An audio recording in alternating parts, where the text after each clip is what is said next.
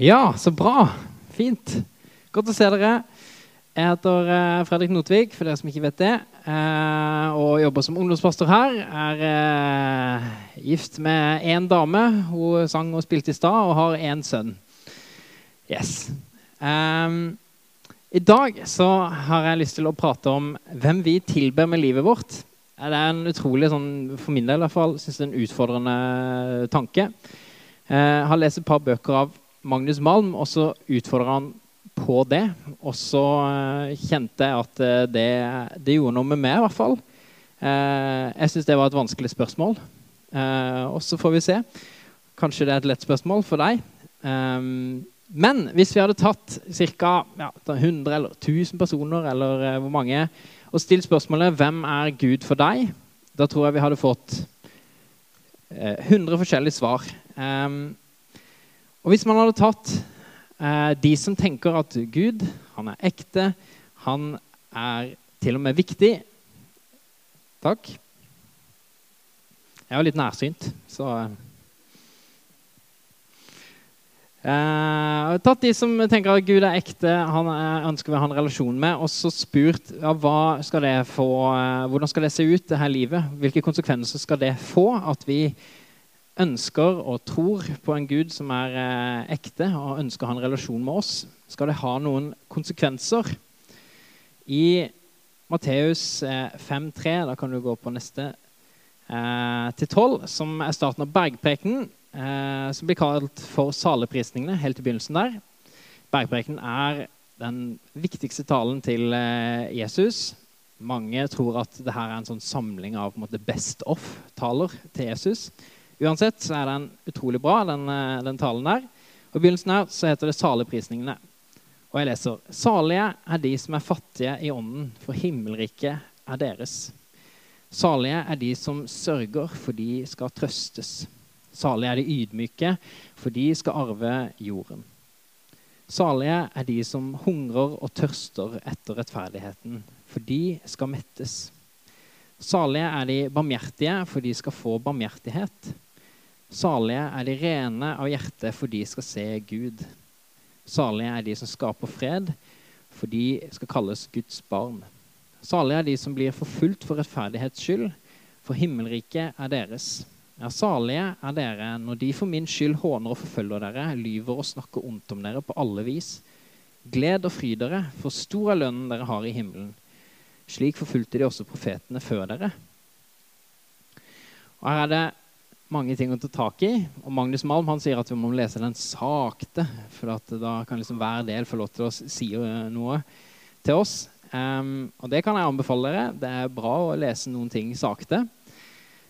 En ting som jeg tenker på, er at uh, jeg har lest en bok uh, av uh, en som heter Nabil Qureshi.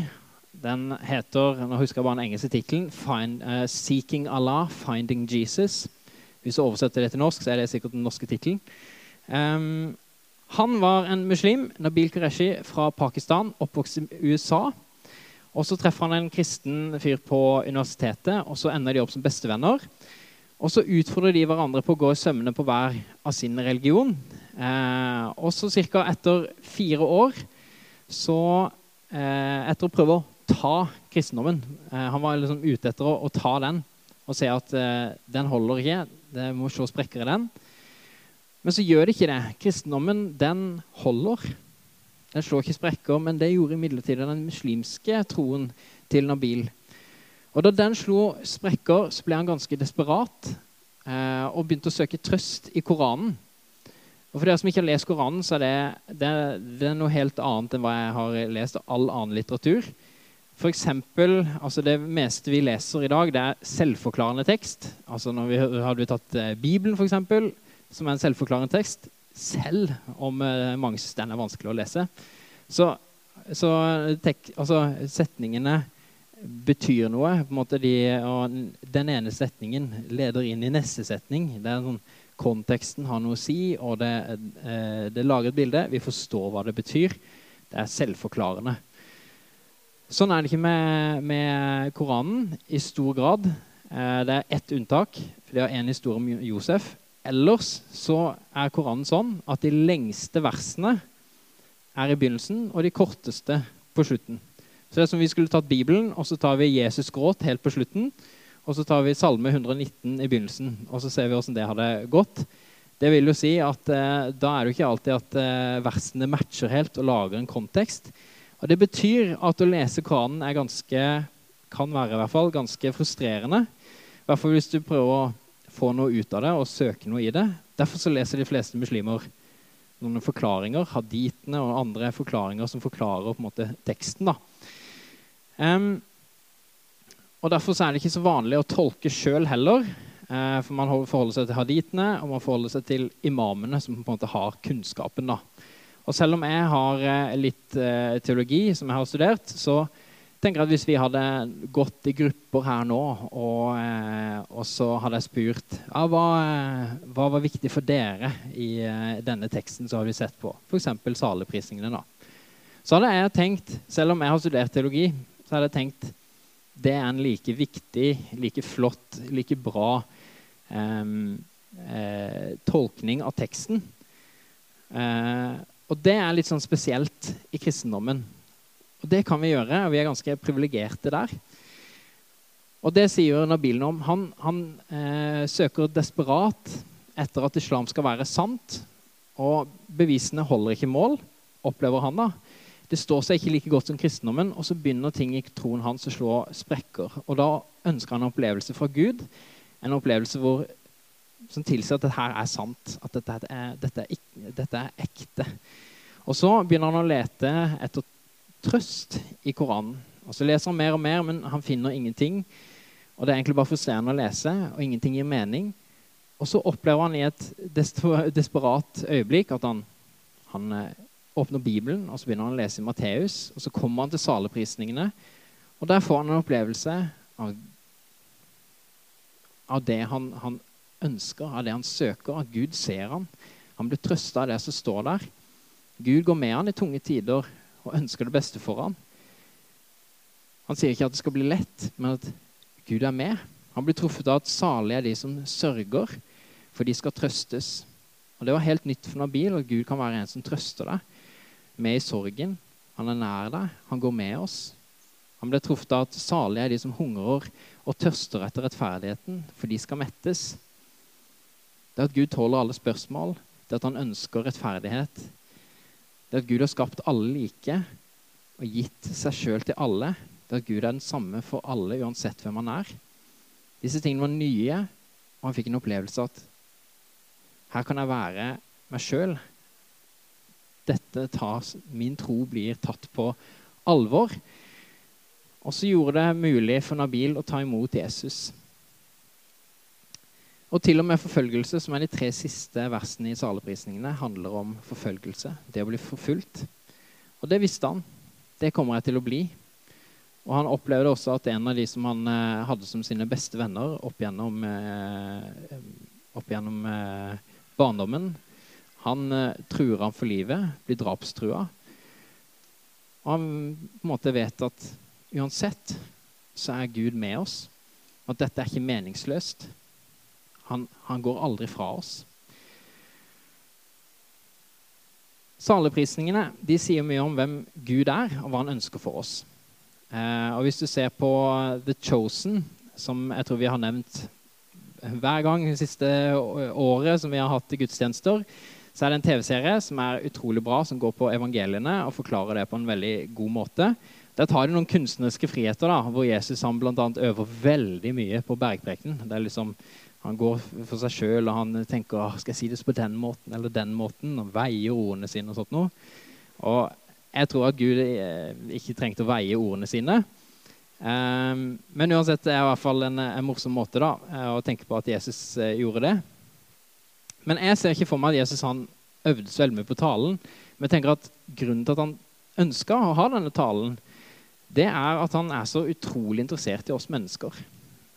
Og han ønsker det beste for oss. Så når vi leser den, så merker vi det, at den er utrolig annerledes. Den avviker radikalt ifra alt vi er vant med i verden. Så kan du ta neste slide. Magnus Malm har skrevet om eh, saleprisningene til å liksom passe dagens kultur. Se om det er riktig her. Ja. Salige er de rike. De eier verden. Salige er de som alltid er glade. De trenger ingen trøst. Salige er de selvsikre. De skal innta landet. Salige er de vellykkede og kjente. De skal mettes. Salige er de sosialt kompetente. De trenger ingen barmhjertighet. Salige er de høyt utdannede. De er verdens guder. Salige er de som får være i fred. De skal kalles lykkens sønner. Gamere har jeg skrevet, da. Salige er de som har et fleksibelt syn på rettferdighet. De tar seg frem i verden. Og så utfordrer han oss på hvem er det vi tilber. Hvilke guder i livet vårt er det vi tilber? Så skriver han om frykt. Frykten den ser fiender overalt. Fra bilder av oss sjøl som vellykka og fremgangsrike så vokser det fram bilder av de andre. De som ikke har lykkes med det vi selv har lykkes med. De truer det jeg har bygd opp. Og slik så deler vi verden opp med stadig bredere kløft mellom de reddes imperium og de sintes terrorisme, og det føder vold, begge to.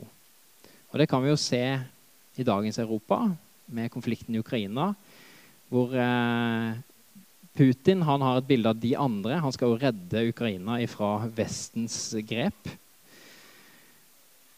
Og penger er jo noe vi eh, liker godt. Eh, og så sier Magnus Malm noen, eh, noen uh, utrolig interessante fakta. Han forteller det at uh, i 2008 så tjente CEOs av de 500 største selskapene, de som leder selskapene, i USA 411 ganger mer enn arbeiderne i samme selskap i snitt. I 1990 så var det bare 107 ganger. Og så utfordrer han oss på hvem, hvem, er det vi tilber med livet vårt. Dubai, for eksempel, som er eh, basically en by bygd for rike mennesker, bygd som en sånn paradis, hvor eh, verdens rikeste folk skal ha sin egen eh, eh, flotte, flotte leilighet. Den er jo bygd av verdens fattigste mennesker. Og eh, trenger ikke gå lenger til fotball-VM, som allerede har vært en katastrofe. Som eh, det har ennå ikke vært. Men eh, korrupsjon og pengebruk, moderne slaveri og menneskehandel det er tydeligvis prisen for å betale for å se på idrett i 2022. Man skulle kanskje trodd at man hadde kommet litt lenger. Og da blir jo, i hvert fall for meg, å stille spørsmålet hvem er det vi tilber? Hva med krigen i Ukraina? For én manns galskap styrer hvordan freden forvaltes. Og der tror jeg vi har skjønt hvor skjør freden kan være. Men kanskje også hvor gal Putin er. Jeg hørte på en podkast i januar som heter 'Historier som endret verden'. Og så hørte jeg på det her med Krimhalvøya, da han gikk inn der i, i 2014. Og så på slutten av den eh, podkasten ble han spurt tror du at noe kommer til å forandre seg der nå i nærmeste fremtid. Tror du at uh, det kommer til å bli en, uh, utløst en konflikt nå i den nærmeste fremtida? Han sa nei. Nei. Jeg tror ikke det er noe problem. Jeg tror heller ikke vi trenger å være noe bekymra for at de skal komme inn i Norge eller uh, ta over noe. Jeg tror, jeg tror, de på en måte har lagt den død. Og det var i januar han sa det. Og så en knapp måned senere så ser vi hva som skjer. Og freden, den, den er skjør. Altså en fun fact i forhold til det her med Putin og liksom Russlands forståelse av det med krig og, og sånt noe, så var det De hadde sånn 60 års jubileum av atomvåpenindustrien i, i, Russland. Og da var det jo selvsagt eh, TV-sendt takkegudstjeneste. Takkegudstjeneste. Hvor da alle eh, biskoper og patriarker eh, sto og talte for de mektigste mennene i Russland om hvor utrolig eh, velsigna de er som har eh, atomvåpen i Russland. Og så ba de om eh, de ba om at eh, det skal eh, bli, løse seg for eh, atomvåpenindustrien i Russland. Den skal, den skal bli skikkelig, skikkelig bra. Framgang for den. Og da kan man jo igjen stille spørsmålet da Hvilke guder er det vi tilber?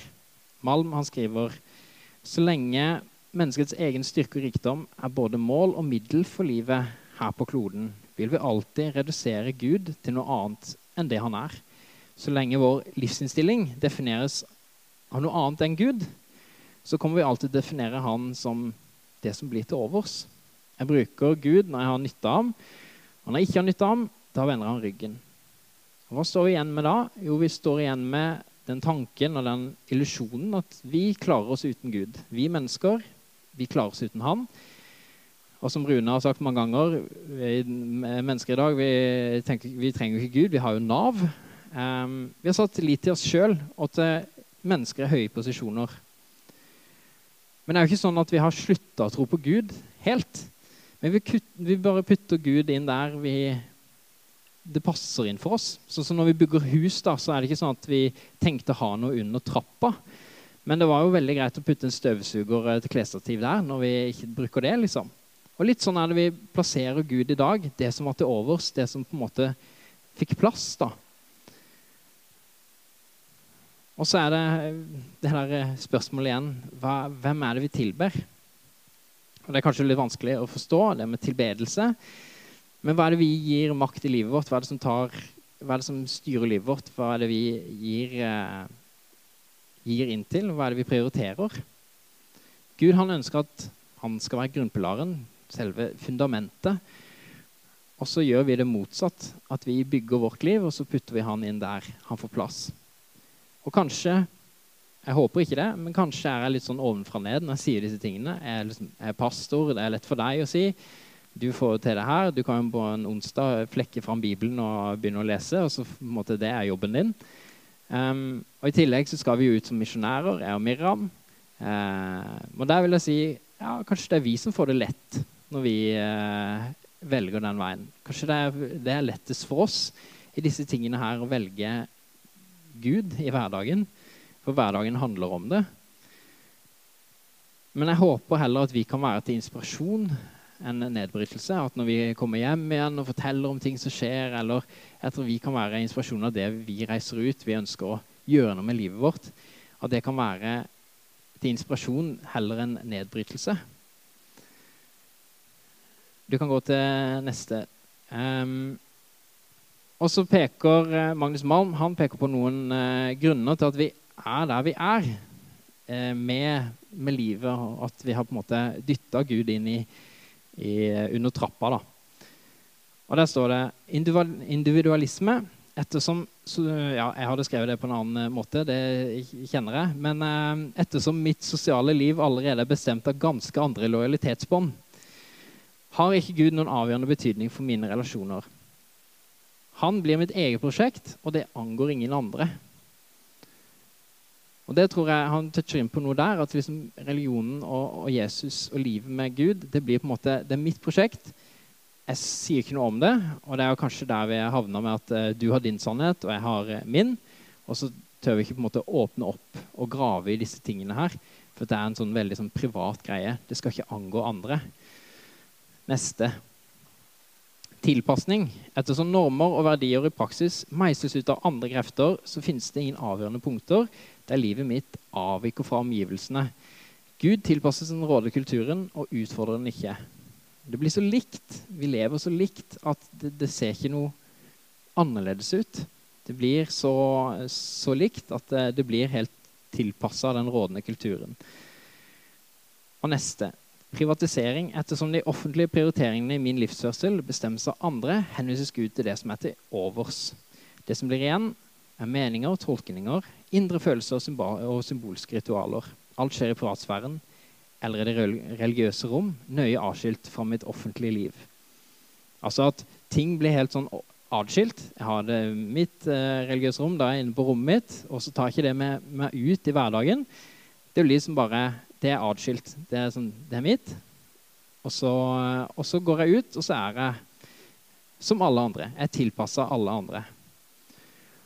Og da kan man jo stille spørsmålet er det hele tatt mulig å tilbe Gud i dag. Um, og Det er ikke sånn at vi har så mye tid til det heller. Jeg tror ikke jeg er den eneste som syns at, sånn, at, det er vanskelig å sette av tid til det. Det er jo ikke sånn at vi bader i en haug med tid. Gud blir på en måte plassert i det som var til overs. Vi får ungene ut på skolen ut på, i barnehagen om morgenen, går på jobb, henter ungene, får i mat. Og så gjør man kanskje noe ærend på kvelden, kjører de rundt. ikke sant? Og så kollapser man på sofaen en time før man drar seg sjøl inn i seng. Og så begynner det hele på nytt dagen etterpå. Det er ikke sånn at ah, yes, nå har jeg fantastisk mye tid til å gjøre hva enn jeg vil. Det er jo nesten på grensa til å liksom, vi overlever. Så mye er det. på en måte Tidsklemma den, den kjenner vi alle på. Og Derfor blir spørsmålet er det mulig å tilbe Gud i denne tida. Er det mulig at han er grunnpilaren? Hvordan reagerer vi på kaos? Jeg tror at Vår første reaksjon er å prøve å ta kontroll. Akkurat som vi skal gå på en topp, og så ser vi her har vi det her, sånn der er kaoset, og så skal vi få orden på det, og så skal jeg bare Og når jeg får orden på ting, da skal jeg sette meg ned. Da skal jeg gjøre det som virkelig er viktig for meg. Men problemet er jo det det skjer jo ikke. Jeg kommer aldri i gang med det jeg virkelig vil. For eh, kaoset gir seg jo ikke. Oppvasken er jo ikke sånn at jeg må ta det en gang i måneden, og så er det tatt for resten av, av måneden. Eller at jeg trengte én treningsøkt for eh, hele måneden på én gang. Eller for hele familien bare én gang. Og så kunne vi på en måte bare brukt resten av tida til, til det som virkelig er viktig. Det bare, måte, det bare går og går. og Det fortsetter i det uendelige. I Lukas 10.38-42 så sier Bibelen oss noe om det. Da de dro videre, kom han til en landsby der en kvinne som het Martha, tok imot ham i huset sitt. Hun hadde, store, hun hadde en søster som het Maria, og Maria satte seg ned ved Herrens føtter og lyttet til hans ord. Men Martha var travelt opptatt med alt som skulle stelles i stand. Hun kom bort til dem og sa, 'Herre, bryr du deg ikke om at min søster lar meg gjøre alt arbeidet alene?' Si til henne at hun skal hjelpe meg. Men Herren svarte henne, Martha, Martha, du gjør deg strev og uro med mange ting. Men ett er nødvendig. Maria har valgt en god del, og den skal ikke tas ifra henne. Og Hva sier den fortellingen oss? Sier det at alle kristne må slutte å vaske huset? Sånn umiddelbart. Det er synd? Nei, det gjør ikke det. Men det forteller oss at det, det viktigste i livet det må prioriteres høyt, sånn at det ikke blir spist opp av alle andre trivielle ting. Det som er det aller viktigste for oss, det må prioriteres høyst. Ellers så glipper det. Men hvordan ser det ut? For vi ikke putter Gud under eh, trappa, men at vi bygger livet på Han. Og Der tror jeg det er utrolig vanskelig å komme med sånne konkrete forslag. For jeg tror at vi er veldig forskjellig bygd. Vi har forskjellige gaver, vi har forskjellig kall. Vi er forskjellige. Og vi skal tjene hverandre til å utfylle hverandre. Og det er slik det er ment. Så derfor tenker at å si at ja, du må sette deg ned i fire minutter, eller du måtte, ikke sant? Eh, det, det, er forskjellig. Men jeg opplever at Jesus sier et par ting om kallet generelt. Og det første han sier til disiplene, det er 'kom, følg meg'. Det er det aller første han sier. Og så slipper de alle tinga, og så bare følger de han. Og det er ikke sånn at ja, «Ah, 'kom og følg meg' hvis du har gjort det og det og det, og får gjort det og sånn og sånn, og hvis du har forstått nok, så kan du følge meg. Det, de bare reiser seg og så følger de han uten at de egentlig vet noe særlig om hvem han er, eller har stor forståelse om av de tingene her. Og det ser man jo når eh, Jesus dør på korset. Og så skal de liksom klare seg sjøl, og de løper rundt som hodeløse høns. De har ikke skjønt noen ting. Og likevel var de disiplene til Jesus. Og sånn er det kanskje med oss òg. Jeg vet ikke om vi er hodeløse høns, kanskje vi er det. Men, eh, men eh, det er det første Jesus sier. Det er det første på en måte, grunnpilaren til Jesus. Følg meg. Bare følg meg. Og hvordan de tingene som, som er å følge Jesus, jeg tror at de kan legge seg til rette. da. Vi skal følge han med vårt liv, med våre talenter og våre ulike kall. Og så sier Jesus i bergprekenen dere er jordens salt. Dere er jordens lys. Og det lyset skal skinne for menneskene rundt oss, så de kan se de gode gjerningene dere gjør, prise deres far i himmelen. Det er vårt neste greie. Vi skal lyse opp veien for andre. Og da sliter vi med å putte den religionen under trappa eller på vårt eget rom, og ikke ta den med oss rundt. Vi skal leve for andre, ikke for andres skyld, eh, men i samarbeid. Vi skal leve med å prise andre med våre talenter og gaver. Og da tilber vi Gud. Og next så får vi noe ut av det. Jeg tror det er meningsfullt. Det er sånn det skal være. Og vi skal peke på Gud med våre liv. Og det er det neste Jesus sier til oss. At vi skal skinne for menneskene rundt oss. Disiplene de fulgte jo Jesus i mange år uten å egentlig skjønne så mye. Og det er akkurat det. Kristendommen handler ikke om å forstå alt eller å leve rett bare for å leve rett. Men det handler om at Gud ønsker en relasjon til oss, at han ønsker det beste for oss og vet det beste for oss. Og så har han lagt det fullstendig opp til oss, hvordan det skal se ut. Og Midt i det spennet så møter Gud oss med nåde og kjærlighet, og med trøst og håp når vi trenger det. Og forhåpentligvis så kan vi se at Gud han er, han er med når vi trenger det. Og at vi kan få lov til å være det lyset som skinner i mørket for andre. I hvert fall innimellom. Og at vi først og fremst er Guds barn som er kalt til å følge Jesus. Og det kallet, det har vi blitt gitt helt opp til oss. Men med ganske mange sånne 'Dette er lurt. Gjør det. Dette her tror jeg er bra for deg', som Jesus sier oss. Jeg skal be en kort bønn før eh, det blir litt lovsang. Og da er det også forbønn for de som har lyst til det. Jesus, gi meg nåde til å bli hos deg, der du er, og følge deg dit du går, slik at jeg kan få se din herlighet. Amen.